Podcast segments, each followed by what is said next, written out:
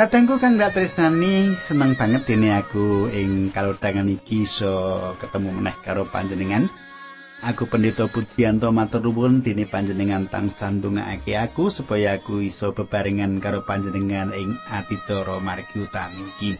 Kepiye kabare panjenengan apa panjenengan diberkahi Gusti dinanggung karo Gusti lan murah sandang pangan? Mengkono pandung aku kang ndak jaluk kaya panjenengan murah sandang pangan nek wis diberkahi Gusti aja lali karo aku. Ngono ya, katengku sugeng midhangetake ati cara iki.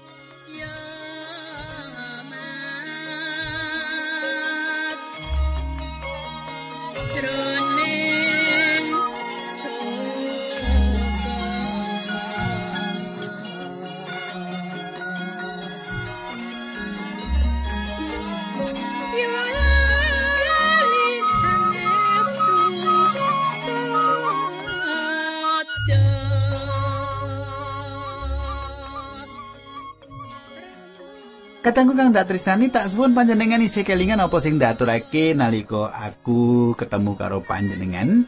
Ing kepungkur aku ora wis critake to. Gusti Yesus nalika disalib ana durjana loro ing kiwa lan tengene sing uga disalib.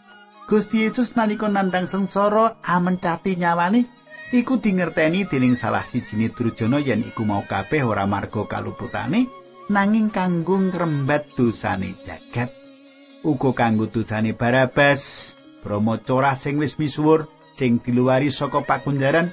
Salah sijine Durjana mau mertobat lan percaya marang Yesus juru wilujeng. Apa aturi Durjana iku marang Gusti Yesus? Nah, mengko bakal ndak teruske nanging saiki monggo kita tumungkul, kita ndedonga bebarengan. Duh Kanjeng Rama ingkang ada dampar wonten kraton ing kasuwargan kawula ngaturaken kuing panuwun menawi wekdal menika kawula saged tetunggilan kalian sedherek kawula lan kawula nyuwun supados. Awit saking pangandikan ingkang dipun pitangetaken menika saged anjelari kegiatan lan bakoing kapiandelan. Dinambaran asmanipun Gusti Kawulo Yesus Kristus kawula ndedonga haleluya amin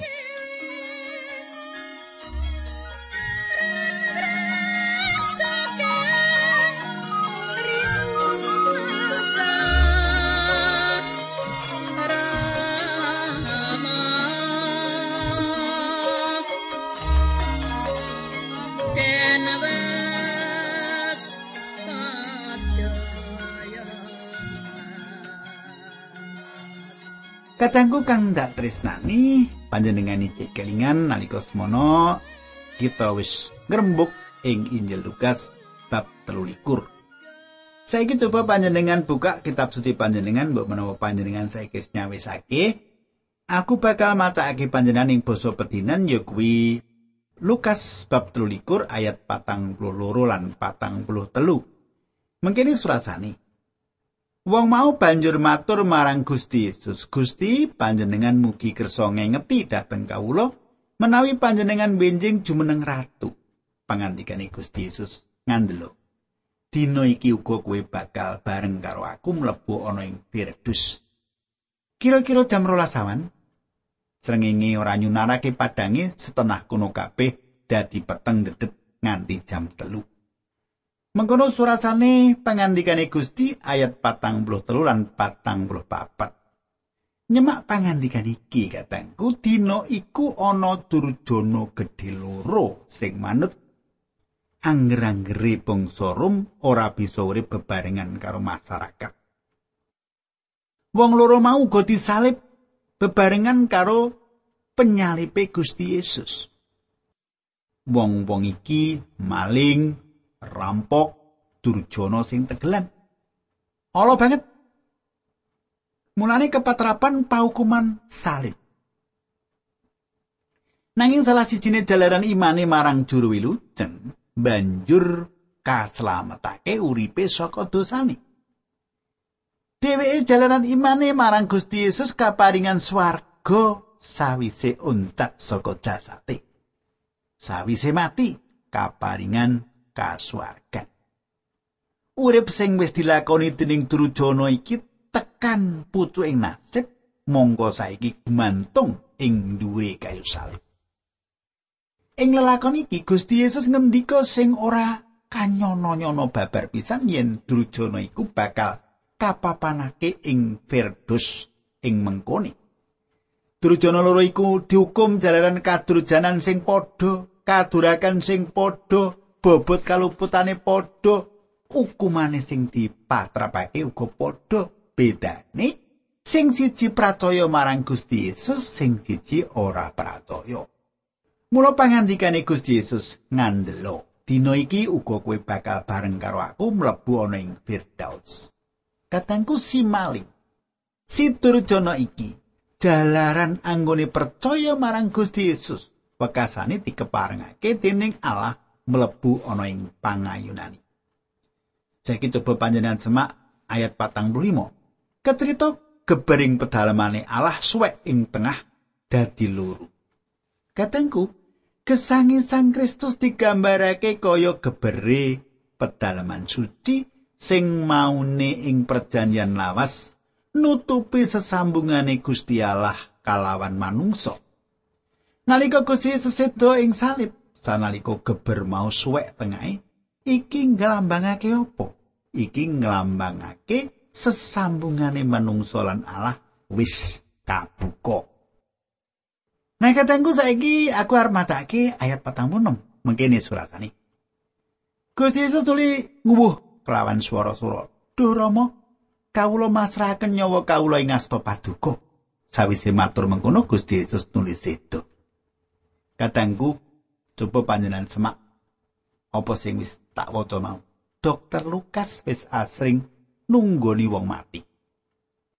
Dokter Lukas wis asring nunggoni wong mati.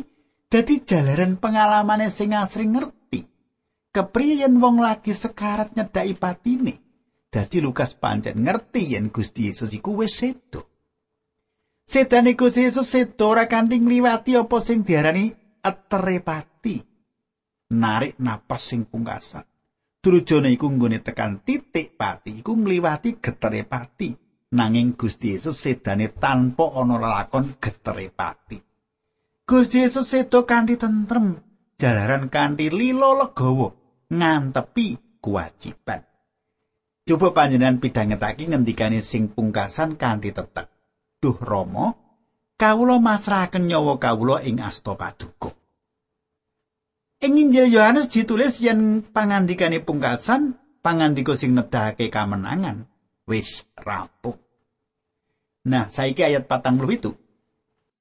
Nalika komandane para prajurit sing padha njaga ana ing kono weruh lelakon kuwi mau kabeh nuli ngluhurake asmane Allah karo muni nyata wong iku ora luput.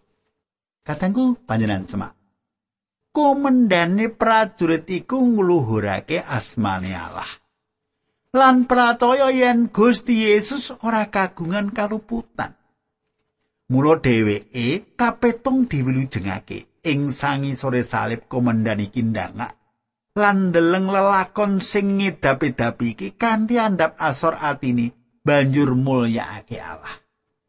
Ing perangan Injil disebutake yen komandan prajurit mau ngucapake yen Gusti Yesus iku nyata putrane Allah. Yen mung kanthi pengaku kaya sing ditindakake komandan prajurit mau kapetong durung cukup mung wing gereja-gereja sing akitabiah. Nanging yen dinalar dawa katangku wong iki harak durung tau babar pisan ngerti perkara sedo lan wungune Gusti Yesus. Uga durung tau maca buku teologi apa dene buku Kristen liyane mula dheweke bisa diarani isih ana panggonan sing peteng dedet Yen ing sangi sore salib kumendan iki bisa ndeleng sunare terang saka Allah, pepadangi saka Allah, nuli percaya yen Yesus putrane Allah saja iki cukup kanggo dasar keselamatan. Mengkono ya iki keyakinan. Nah saiki diterusake ayat patang puluh wolu mengkini surasani. Wong-wong sing padha teka mrono arep ndeleng apa sing kelakon ning kono, iya padha nyipati lelakon-lelakon kuwi mau kabeh mula padha mulih kanthi rasa keduwung banget. Kadangku ana kedadian sing nyengkermati lan gegirisi nalika Gusti Yesus kasalib lan sedo. Ing Injil ora ana sing ndritakake kanthi cetha lan rinci. Kaya-kaya saking gegirisi kedadiane nganti geber iki suwek mengisor. ora ana sing bisa marmake ati nalika ndeleng kedadian Yesus sing disalib. Ing taman Getsemani apa dene ing Golgota panggonane Gusti kesalib, kabeh gawe mirisi ati. Kita mung temengo ing salib kanthi pracaya yen kasangsarane Gusti iki kanggo kawilujengan kita manungsa. Saiki ayat patang puluh songo, coba panjenengan katekake. Lan wong kabeh sing padha kenal karo Gusti Yesus semono uga para wong wadon sing nderekake panjenengani saka tanah Galilea mau padha ngatek saka kaduan lan deleng lelakon kuwi mau kabeh. Katanggu perangan sing pungkasan iki critakake pametake lan wungune Sang Kristus. Ana ing bab iki Rasul Paulus nulis mengkini. Siji Korinta 15 ayat telu ya, panjenengan iso buka kitab suci panjenengan satu utawa siji Korinta 15 ayat telu. Apa sing diwartakake marang kowe iki ya sing wis ndak tampani dewi. Dene sing penting dewi ya kuwi Sang Kristus wis seda krana dosa-dosa kita kaya kang katulis ana ing kitab suci. Lan panjenengane wis kasarekake lan wis kawungake ing telung dinani kaya sing katulis ana ing kitab suci. Gusti Yesus seda nuli kapetak lan wungu meneh saka antarane wong mati. Apa panjenengan percaya yen Gusti Yesus seda kanggo kita? Nalika Gusti Yesus kapetak, dosa kita uga kakubur. Kanthi mengkono kabeh perkarane dosa wis rampung. Apa panjenengan percaya perkara iki? Panjenengane wungu. Maneh sawise telung dina kapetak. Lan wungune uga kanggo nangekake kita saka dosa kita. Apa panjenengan percaya perkara iki? Yen kita percaya iku ateges kita. Panjenengan lan aku wis ana ing panguasane Sang Kristus yaiku nampa urip langgeng ing asmani saiki ayat seket nganti seket siji mengkene surasani ana wong sing jeneng Yusuf saka kutha Arimatia Yusuf mau wong becik lan kinurmatan wong mursid sing uga nganti-anti kababaring kratoning Allah senajan Yusuf mau warganing perdhoto agama nanging ora ngrujuki putusane perdhata mau tumrape Gusti Yesus kadangku. Coba kata iki ayat iki. Yusuf saka Arimatia iki mestine wong sugih lan kagolong wong kinormatan ing kutani. Dheweke anggota Mahkamah Agama Yahudi kanthi ora ngitung risiko sing bakal teka Yusuf saka Arimatia iki nuduhake ing ngarepe umum yen dheweke wong sing pracaya uga. Katondo saka nggone ngaturi pemakaman pametaan kagem panjenengane Gusti Yesus Kristus. Senatan Yusuf Arimatia iki anggota Mahkamah Agama Yahudi utawa Sanhedrin, dheweke ora setuju marang tumindake para anggota Mahkamah Agama liyane ngenani paukuman nyalip ing pamentangan marang Gusti Yesus. Yusuf Arimatia iki kejaba kinurmatan pancen dheweke wong sing saleh lan netepi agama kanthi tememen. Bareng Gusti Yesus ana wektu kanggo abenajeng karo Yusuf Arimatia iki, Yusuf banjur ing pihake Kristus. Mestine akeh wong sing padha pracaya marang Gusti Yesus. Senajan kanthi sesideman kaya Yusuf iki, nalika lelakon Gusti Yesus disalib, para murid padha ndelik. Nanging sing sawetara padha sesideman malah padha nuduhake kapercayane marang Yesus juru wilujeng. Kaya sing disebut ing kitab suci, Yusuf saka Arimatia lan Nikodemus, wong-wong sing kinurmatan iki. Ing Injil Yohanes nyebutake nalika pemakamane Gusti Yesus, Yusuf Arimatia lan Nikodemus padha melu nangani. Saiki kita teruske ayat 52. Yusuf nulis sowan marang Gubernur Pilatus lan nyuwun layone Gusti Yesus. Panyuwune mau dikabulake. Katanggu imane Yusuf katon cetha nalika Yusuf njaluk layone Gusti Yesus supaya disarekake ana ing pemakamane. Ayat 53. Yusuf tuling ngedunake layon mau saka ing salib, banjur diulesi nganggo morialus. Sawise kuwi layon mau nuli disarekake ana ing pesarian sing ditatah ana ing puntuk karang, kuburan kuwi durung tau kanggo. Kadangku, ing ngendi layone Gusti Yesus disarekake? Ana panggonan loro pemakamane Gusti Yesus, sing siji ana ing panggonan sing ing dhuwure ditekake Gereja Katolik, sing siji panggonan ing sanjabane tembok kutha Yerusalem. Apa iki bener? Muga-muga wae ana juru paneliti sing bisa nemtokake kanthi bener. Ana sak golongane wong utawa kumpulan sing ora seneng marang Gusti Yesus lan kekristenan, sing terus ngupaya apa wae sing ana sangkutane karo kekristenan mesti bakal diilangi. Taun pitung puluh Kaisar Titus nyerang Yerusalem lan ngremuk kutha iku nganti rata karo lemah. Ana taman pemakaman sing saiki asring ditekani turis kliwatan ora dijur dening prajurit Titus. Ora jelas iki pemakamane sapa lan sapa wae sing ana ing kono. Nanging ora ana keterangan yen iku pesareane kagem Gusti Yesus. Gusti Allah ora ngersakake ana tiras pesareane Gusti Yesus dipundi-pundi lan malah bisa mblasarake kita manungsa. Yen ana panembah mung kagem kamulyane Gusti Yesus sing pinarak ing tengene Sang Rama, ora kanggo liyane. Mung panjenengane pusat panembah lan pamuji kita kunjut. Saiki 54 nganti 55. Nalika semono pinuju dina pacawisan, sedhela meneh wis ngarepake dina sabat. Para wong wadon sing padha nderekake tindake Gusti Yesus saka tanah Galilea, kuwi ya padha ngetutake Yusuf melu ngiringake layone menyang pesarian. Wong-wong mau padha weruh dhewe patrape nggone layon mau disareake. Kadangku wong-wong wadon iki bisa uga sing entuk pakurmatan ngopeni Gusti Yesus lan para murid kanggo kabutuhan padinani isih tetep setya tuhu nderekake Yesus. Sedane ing dina apa ora perlu dadi perkara kanggo iman kita, nanging sing cetha yen sedane iku kanggo nebus sakabeh dosa kita. Yen ing kitab suci mung disebutake dina sabat wis meh kawiwitan, iku ateges dina Jumat. Para wong wadon iki padha ngerti ing ngendi layone Gusti Yesus iki disarekake. Dadi upacara pemakaman iku durung rampung. Nuli Nikodemus lan Yusuf ngulesi sarirane Yesus nganggo kain lena lan banjur diweni racian-racian lan lenga wangi. Coba panjenengan semak Injil Yohanes 19 ayat 40 tak waca iki.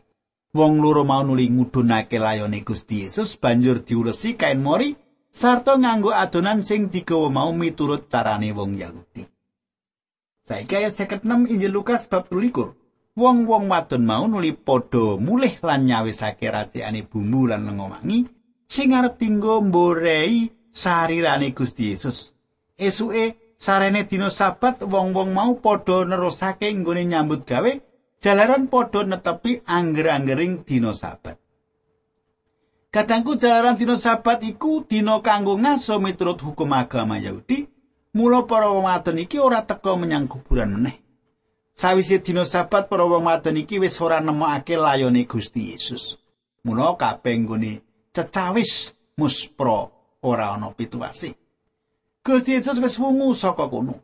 Panjenengan isih ingetan nalika Maryam jebati mestakane Gusti Yesus nganggo lenga narwastu padha dicentula dening murid liyane nanging bareng Gusti wis sedo harak wis ora bisa to njebati panjenengani kita wis wiwit mlebu ing pasal 24 Injil Lukas utawa bab 24 Injil Lukas saiki ayat siji tak wacake ing dina minggu ing wayah esuk umun-umun wong-wong wadon mau padha lunga menyang pesarian karo nggawa reracian sing arep kanggo mborei layone Gusti Yesus Kadangku para wong wadon iki padha nggawa racian menyang pemakamane Gusti Yesus. Panjenengan eling Maria marep njebati Gusti Yesus nalika isih sugeng ana sing nyentulani, ana sing nyengeni. Yohanes 12 ayat 5, "Gene yo lenga wangi kuwi ora didol wae, rak bisa payu akeh nuli duwite didanakake marang wong miskin." Kadangku saiki wis kaset, Gusti wis wungu meneh. dadi ora bisa caos bore lan lenga wangi. Tak kira anggone nggawa lenga wangi lan rakyat mau ora digawa bali mulih. Awit nalika semono seneng saking senenge lali gunane. Mula wis ora diperlokake. Jalaran apa? Jalaran wong wadon mau ngerti yen Gusti Yesus wis wungu saka situ. Saiki ayat loro lan telu. Bareng wis tekan pesarian padha weruh yen watu sing kanggo nutupi pesariane wis glimpang saka ing panggonane. Wong-wong wadon mau nuli padha mlebu ing pesarian nanging layone wis ora ana. Kadangku watu sing digulingake iku ora mung kagem Yesus miyos saka pesariane. Nanging supaya para murid bisa mlebu lan ndeleng kasunyatan iki. Para wong wadon iki kecilik Gusti wis bungu. Ayat papat nganti ayat 8 mengkini surasane. Nalika isih padha ngadeg ana ing kono lan bingung ngrasakake karan mau dumadakan ana priya loro nganggo sandangan mengkilap ngadeg ana ing satedhake. Wong-wong wadon mau padha wedi banget banjur sumengkem ana ing lemah. Priya loro mau nuli padha ngendika, "Yo gene kowe padha goleki panjenengane kang gesang ana ing antarane wong mati." Panjenengane ora ana ing kene wis wungu, padha ilinga pangandikane marang kowe nalika panjenengane isih ana ing tanah Galilea.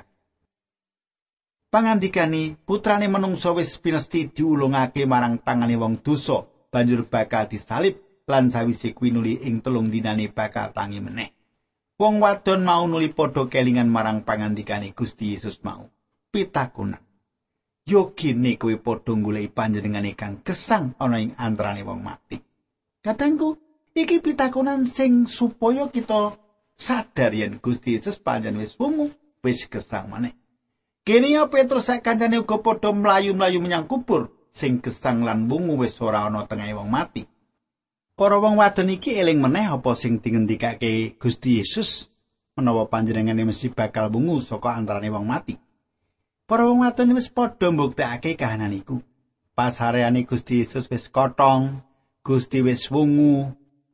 Nanging kenapa isih padha golek Gusti Yesus ing pemakaman?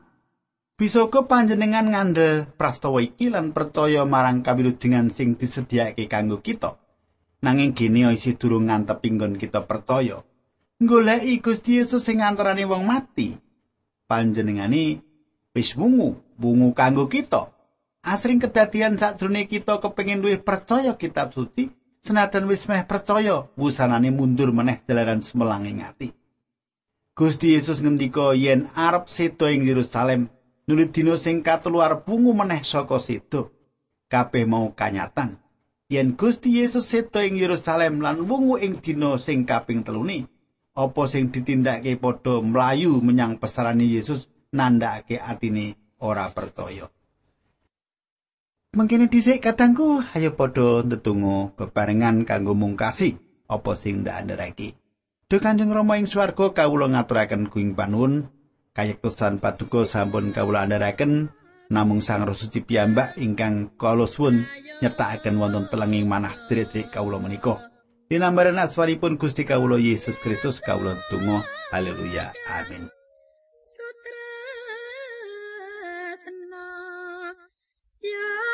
Bapakku dewe Wengi wangi